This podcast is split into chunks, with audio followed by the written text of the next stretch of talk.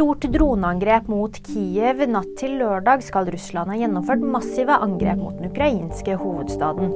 Byens ordfører Vitalij Klitsjko melder at to personer er såret, og at flere bygg er ødelagt etter hendelsen. Derek Chauvin skal være knivstukket i fengsel. Opplysningene er foreløpig ikke bekreftet av amerikanske myndigheter.